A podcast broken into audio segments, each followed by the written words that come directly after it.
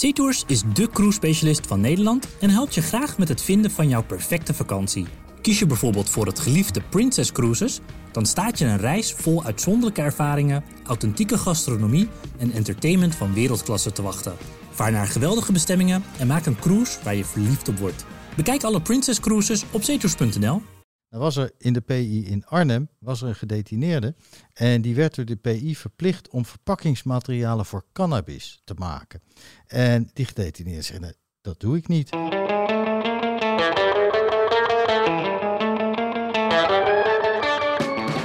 Welkom bij Crime de la Crime, de podcast van strafadvocaten Peter Schouten en Onno de Jong over recht en rechtvaardigheid. Mijn naam is Charlene Heesen, journalist bij het AD en in deze podcast jullie gesprekspartner in crime. Een van de eerste afleveringen die we eh, maakte, dook ik met jullie in het leven in de gevangenis. Met als centrale vraag, eh, hoe gaat het er nou echt aan toe in Nederlandse gevangenissen? Ja, daar waren we toen nog lang niet over uitgepraat. En dat merkten we ook over aan de vele reacties die we van luisteraars hebben gekregen. Dus vandaar dat het vandaag tijd is voor een deel 2. In de gevangenis in Dordrecht zijn gedetineerden bang dat ze via het kraanwater vergiftigd worden met PFAS uit de fabriek van Gemoers. Dat is die fabriek die tevelpannen maakt. Eh, en die zit daar recht tegenover. Eh, gedetineerden laten het kraanwater al maanden staan. En drie van hen stellen ook het bedrijf aansprakelijk en eisen een schadevergoeding. Nou, sta jij deze gedetineerden bij, eh, Peter? Ja, dat eh, klopt. Zijn er inmiddels al eh, elf eh, geworden. Ik werd daarover gebeld, omdat zij, nou, die, die, die fabriek ligt aan de overkant van de beneden Merwede, waar ook die PI Dordrecht aan is gevestigd. En zij horen al die verhalen die gaande waren over de bewoners in Dordrecht en Papendrecht, et cetera, over dat het heel erg gevaarlijk is om het eh, drinkwater daar in de omgeving te nuttigen. Dat er van alles aan de hand is met giftige uitstoot. Het grondwater, dat kinderen eh, in de, worteltjes van de volkstuinen niet mogen eten. En er was een heel voorlichtingscircus gaande eh, van Gemoers voor de gewone burgers. Maar die gedetineerden die daar eigenlijk vlakbij zitten, de misschien wel meest getroffenen zijn, die kregen niets te horen. En die hebben toen heel veel stress gekregen en zijn onrustig geworden onder het feit dat eh, het, het kraanwater niet meer veilig is. En zijn Bar-le-Duc, ik wist trouwens niet dat dat eh, het favoriete merk was in een eh, eh, PI, een huis van bewaring, gaan kopen. Moeten Volgens mij is dat ja, een van de goedkoopste watermerken. Ja, dat zit in die grote kartonnen pakken, Ja. toch? Maar, maar, maar het kraanwater niet meer veilig. Is dat aangetoond? Zit daar een, ligt daar een rapport aan ten grondslag? Want je, het, het lijkt mij een beetje een, slag in de lucht. Ja, Of zijn er ook mensen met klachten die, die, die zeggen: Oh, ik heb, eh, ik heb zo'n last van mijn borst of ik heb last van mijn maag. Nou, Eh, dat, heb, dat heb ik altijd als Ja, ik hier er zit water één aanvrager bij, die heeft inderdaad ernstige eh, medische klachten. Maar het is nog onduidelijk, moet nog onderzocht worden of dat natuurlijk kausaal verband houdt. Hè. Dus of het verband houdt met wat daar in die eh, fabriek voor giftige PFAS wordt uitgestoten. En wanneer dat is gebeurd, want ook over de tijd eh, zijn er veiligere productiemethoden gekomen. Dat wordt uitgezocht. Maar het gaat er natuurlijk ook al om dat die, die eh, stress eh, al die tijd is opgebouwd door hen niet goed voor te lichten. Hè. En dat zij dus al die tijd extra kosten hebben moeten maken. Dat zie ik als de materiële schade. En dat ze natuurlijk veel stress en spanning hebben opgelopen. Doordat ze al die tijd niet zijn geïnformeerd. Nou, en daarvoor heb ik dan namens die gedetineerden die chemische fabriek aansprakelijk gesteld. Ja, maar, maar heb je dan ook bijvoorbeeld gecommuniceerd met de directie van de gevangenis daarover? Van is dit eigenlijk niet jullie taak? Want jullie directie hebben toch de zorg hè, vanuit de penitentiaire beginselenwet, de zorg voor de veiligheid en gezondheid van die gedetineerden. Ja. Dus gaan jullie nu eens even met die fabriek communiceren en ga daarna jullie bewoners inlichten. Ja, nou dat heb ik dus inderdaad gedaan. Hè. Ze zijn ook eh, om wederhoor gevraagd door de journalist die dit verhaal publiceren. Eh, dus daar is over ehm, eh, informatie over Mhm. uitgewisseld. En ik heb ze natuurlijk ook de aansprakelijkstelling gestuurd, de directie. Maar de directie deed dat niet. En eh, daarom heb ik het nu voor die eh, gevangenen Ja. zelf Hoe opgenomen. reageerde die directie dan op, jou, op jouw brief? Eh, Dat ze het eigenlijk wel begrijpelijk vonden dat eh, deze aansprakelijkstelling aan geen moers werd uitgebracht. Heeft Ja, nog in het lekker. Algemeen Dagblad gestaan. Ja, maar lekker makkelijk dus. Van advocaat, zoek jij het maar uit met, met geen moers. Maar die directie heeft de verantwoordelijkheid hè, voor de zorg en, en de gezondheid van de, van de gedetineerden. Ik vind dat een interessant punt, uh, Onno. Maar ik denk toch dat uh, de schade wordt geleden door de uh, gedetineerden. En Ja. dat ze daarvoor geen moers moeten aanspraken, spreken. En niet de PI Dordrecht. Ik denk dat geen moers de informatie had moeten verstrekken. Nee, maar dat zeg aan ik PI. Dordrecht. Ja, eens. Maar ik zeg, ik vind het nalatig, of ik zou het nalatig vinden van de directie, als men, naar aanleiding van de onrust die ook in de pers is ontstaan, in de media is ontstaan, als men zich niet tot die geen moers had gewend en gezegd van jongens, hoe zit dit? Leg eens uit, want ik moet mijn bevolking, mijn gedetineerden voorlichten. Nou, dat is een heel goed punt van je. En het is ook jammer dat dat niet is gebeurd. En dat geeft ook misschien iets aan over, over hoe de, ja, eh, de, de bezetting en, en de, zeg maar het, de hoeveelheid mensen die er tegenwoordig zijn voor dit soort banen te weinig is om nog over dit soort zaken na Ja, te dit denken. is, dit is zo'n extra ding dat er dus een fabriek om de hoek staat eh, waar problemen mee zijn. Daar hebben ze dan geen ruimte voor. eh, omschrijf ik het dan zo goed? Nou, ik denk al dat er zoveel problemen zijn over de rechtspositie van Zeker. de gedetineerden tegenwoordig. Hè, dat Ja? Is, dat, ja, dat, Ja, het is, het is Ja, natuurlijk... want hoe, hoe, hoeveel schat, want het, ik lees ook dat het wettelijk eh, voldoet dat water aan de normen. Dus heeft die, ja, wat zijn de kansen van die gedetineerden om hier iets mee voor elkaar te krijgen? nou, Nou ja, da- daar, daarom vroeg ik net, Ja. is, er, is er een rapport waaruit blijkt dat er verontreiniging in dat water zit? En zo ja, wat dat is en of dat veroorzaakt wordt door geen moers? Het is nog steeds niet duidelijk of ook, want we praten ook over uitstoot. Het is nog Ja. steeds niet duidelijk in Ja. Hoeverre, noem dan even, de distributie van het gif eh, uiteindelijk ook voor problemen heeft gezorgd. Met bijvoorbeeld het douchewater in de eh gevangenis. Ze staan ook onder de douche. Eh, met het drinkwater. met de andere uitstoot die plaatsvindt terwijl ze op bijvoorbeeld gelucht worden. Dat is allemaal nog onduidelijk. Dus nou ja, dat geeft dan ook wel te denken, wat, wat zijn je rechten eigenlijk als je gevangen zit? Want nou ja, dat lijkt toch wel anders, dat zit toch wel anders dan de gewone ja, burger? Ja, natuurlijk is het anders dan bij de gewone burger. Kijk, in, in beginsel wordt, worden jouw rechten bepaald door de penitentiaire beginselenwet. Mhm. En daar staat in eh, wat voor rechten je hebt en hoe, hoe daarop toegezien wordt en wat je kunt. Dus als, als er iets is wat jou niet zint, of als je het niet eens bent met een handeling van de directie, dan kun je een klacht indienen. En dan kun je eventueel, als dat negatief is, het wordt behandeld door een commissie van toezicht. Mhm. En als dat eh, voor jou als gedetineerde negatief uitpakt, dan kun je nog in beroep bij de Raad voor de Strafrechtstoepassing en Jeugdstrafrecht is dat. Dat is een echte rechter en die doet uiteindelijk dan daar uitspraak over. En dan kan jouw beroep gegrond worden verklaard of ongegrond worden verklaard. En als het gegrond wordt verklaard, kan aan jou, hoeft niet altijd, kan aan jou een compensatie worden toegekend. Maar daar moet je niet al te veel van voorstellen. Tientje. tientje, Oh. vijf- 25 euro, dan schrik ik al. Dat vind ik al een hele hoog. Je kunt dus ook procederen. Hè? Als je het ergens niet mee eens bent, dan kun je naar de rechter, de RSJ.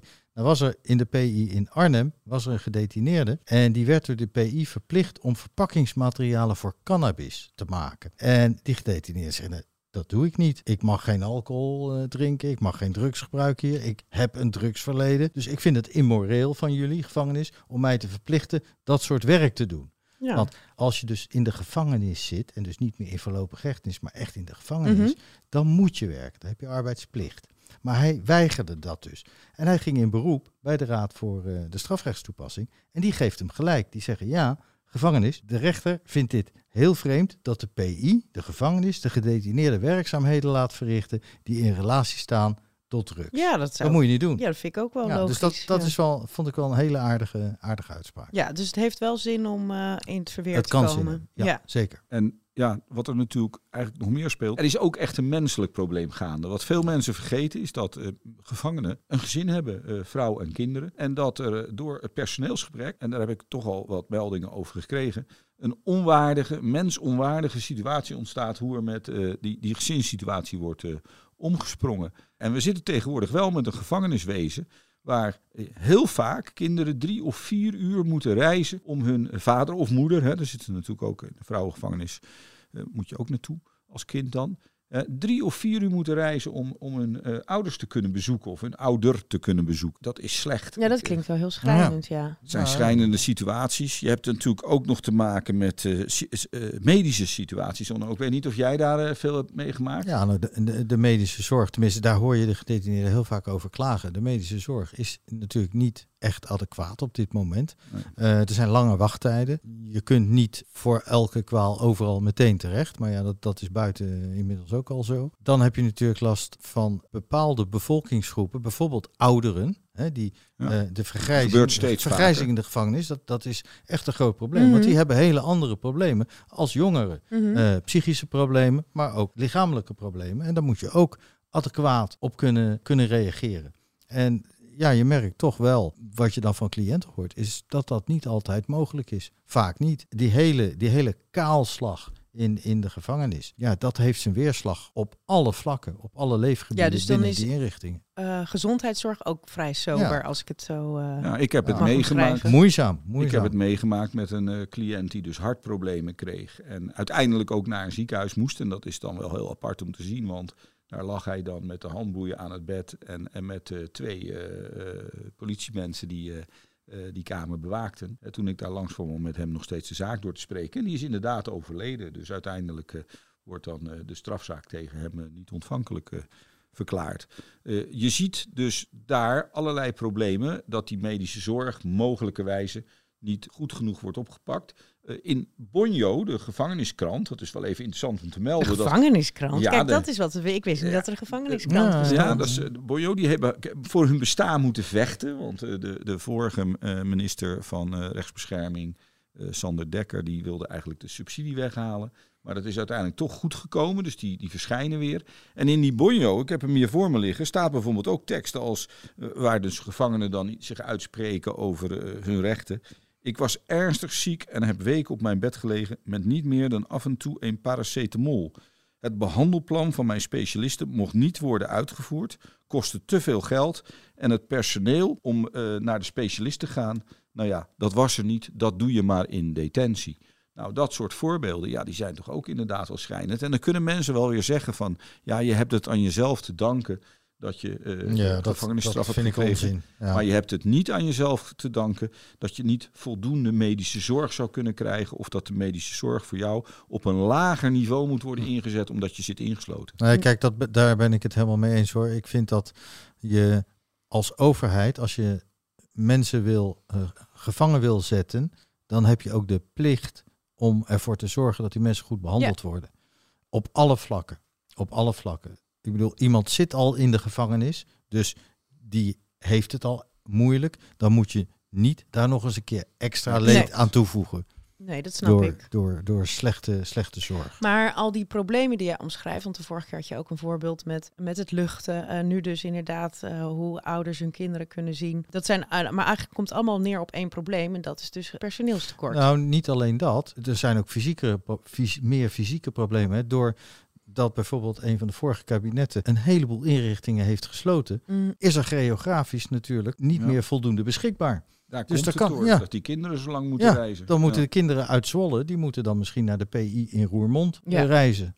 ja, dus dat is toch gewoon een, eh, een kwestie van eh, eh, fondsen, van geld voor, Ja. de, voor het eh en, vervolgens, en vervolgens weer van personeel, want Ja, die krijg je Ja. dus niet. En, en wat ook wel echt eh, soms, ik, ik word er wel eens eh, een beetje gallisch van, dat je bijvoorbeeld ziet dat als gevangenen een levensveranderend moment hebben, hè, bijvoorbeeld hun moeder overlijdt, Mm. of, of eh, er gaat iets helemaal mis met, eh, met een examen, of een, een een kind dat in de verdrukking raakt, of medisch heel erg verzorgd moet worden, dat, eh, dat ze dan geen nauwelijks verlof kunnen krijgen, hè, of strafonderbreking, om daar naartoe te gaan. Dat daar tegenwoordig veel te zwaar over wordt eh, geoordeeld.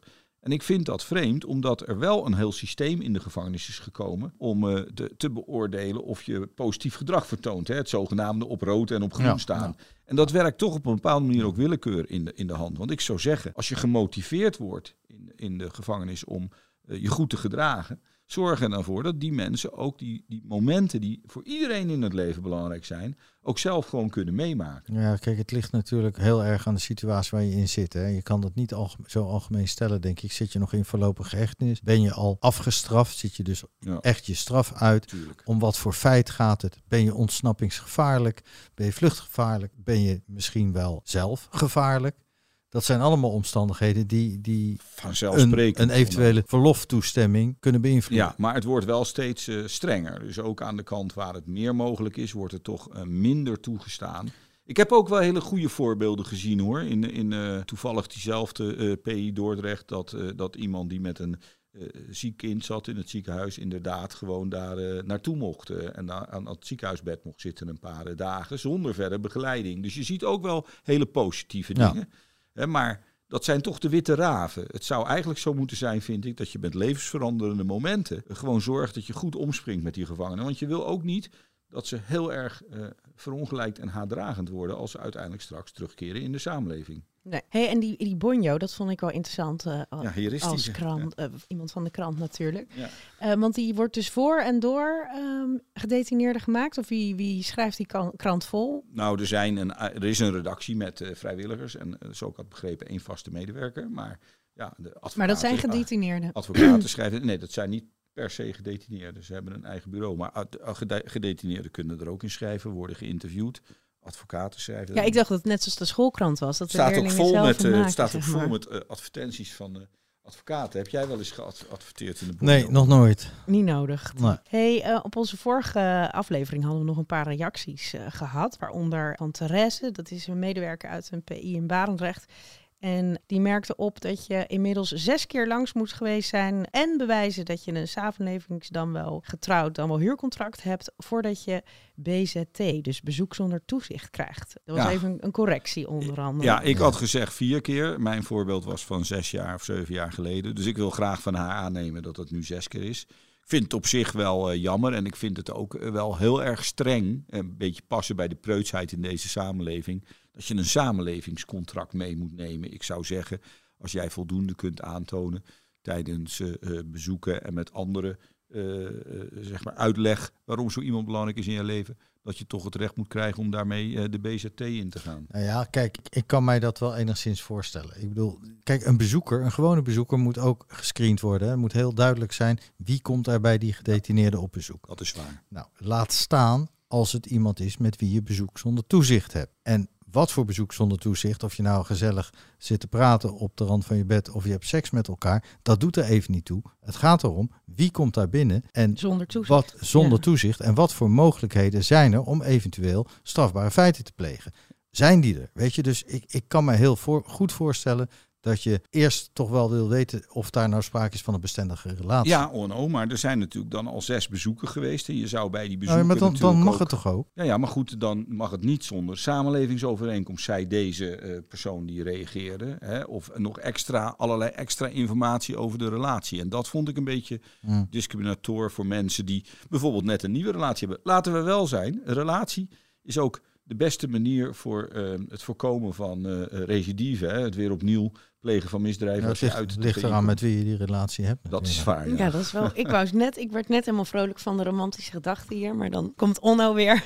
met een downer. Onno komt weer met een downer. Maar je hebt wel, helaas heb je wel gelijk. Want hoe zit dan dat dan verder? Want dat is een beetje zo'n taboe onderwerp in de gevangenis en, en seks. Want het schijnt, als je naar de films en series moet geloven, dat er nog wel het een en ander uh, zich afspeelt. Je bedoelt dat, dat er sprake is van, van nou, seks tussen gay? mannen? Is er heel veel nou, gay seks in de gevangenis? Nee, nou ja, Zover jij wel eens hoort. Voor zover ik hoor, nee. Ik weet het, ik weet vertellen niet. aan jou? Ja, dat weet ik niet of ze het aan mij zouden vertellen, maar... Maar het hele concept dat dat heel veel voorkomt, dat is je wel bekend, toch? Ja, uit films. Maar ik maak dat niet zo vaak mee hoor. Kijk, denk je nou werkelijk dat een cliënt of een gedetineerde dat aan zijn advocaat gaat vertellen als hij in de douche is aangerand of verkracht of wat dan ook? Gaat hij niet vertellen. Nou, het zou toch reden zijn om, om aangifte, nee, dat soort dingen wel te nee, doen? Nee, maar die gedetineerde kan daar zelf ook binnen problemen mee krijgen natuurlijk. Maar jij bent ook de, zijn vertrouwenspersoon. Dus ik zou het misschien wel aan jou vertellen van... God, onno, wat ellendig wat me nou hier gebeurt. Ja, maar dan is het nog maar de vraag of ik er wat mee kan doen. Nou ja, er zijn natuurlijk gedetineerden die op een duocel zitten. Maar zoals ik het begrijp is de problematiek niet zozeer... dat de een de ander misbruikt, eh, seksueel.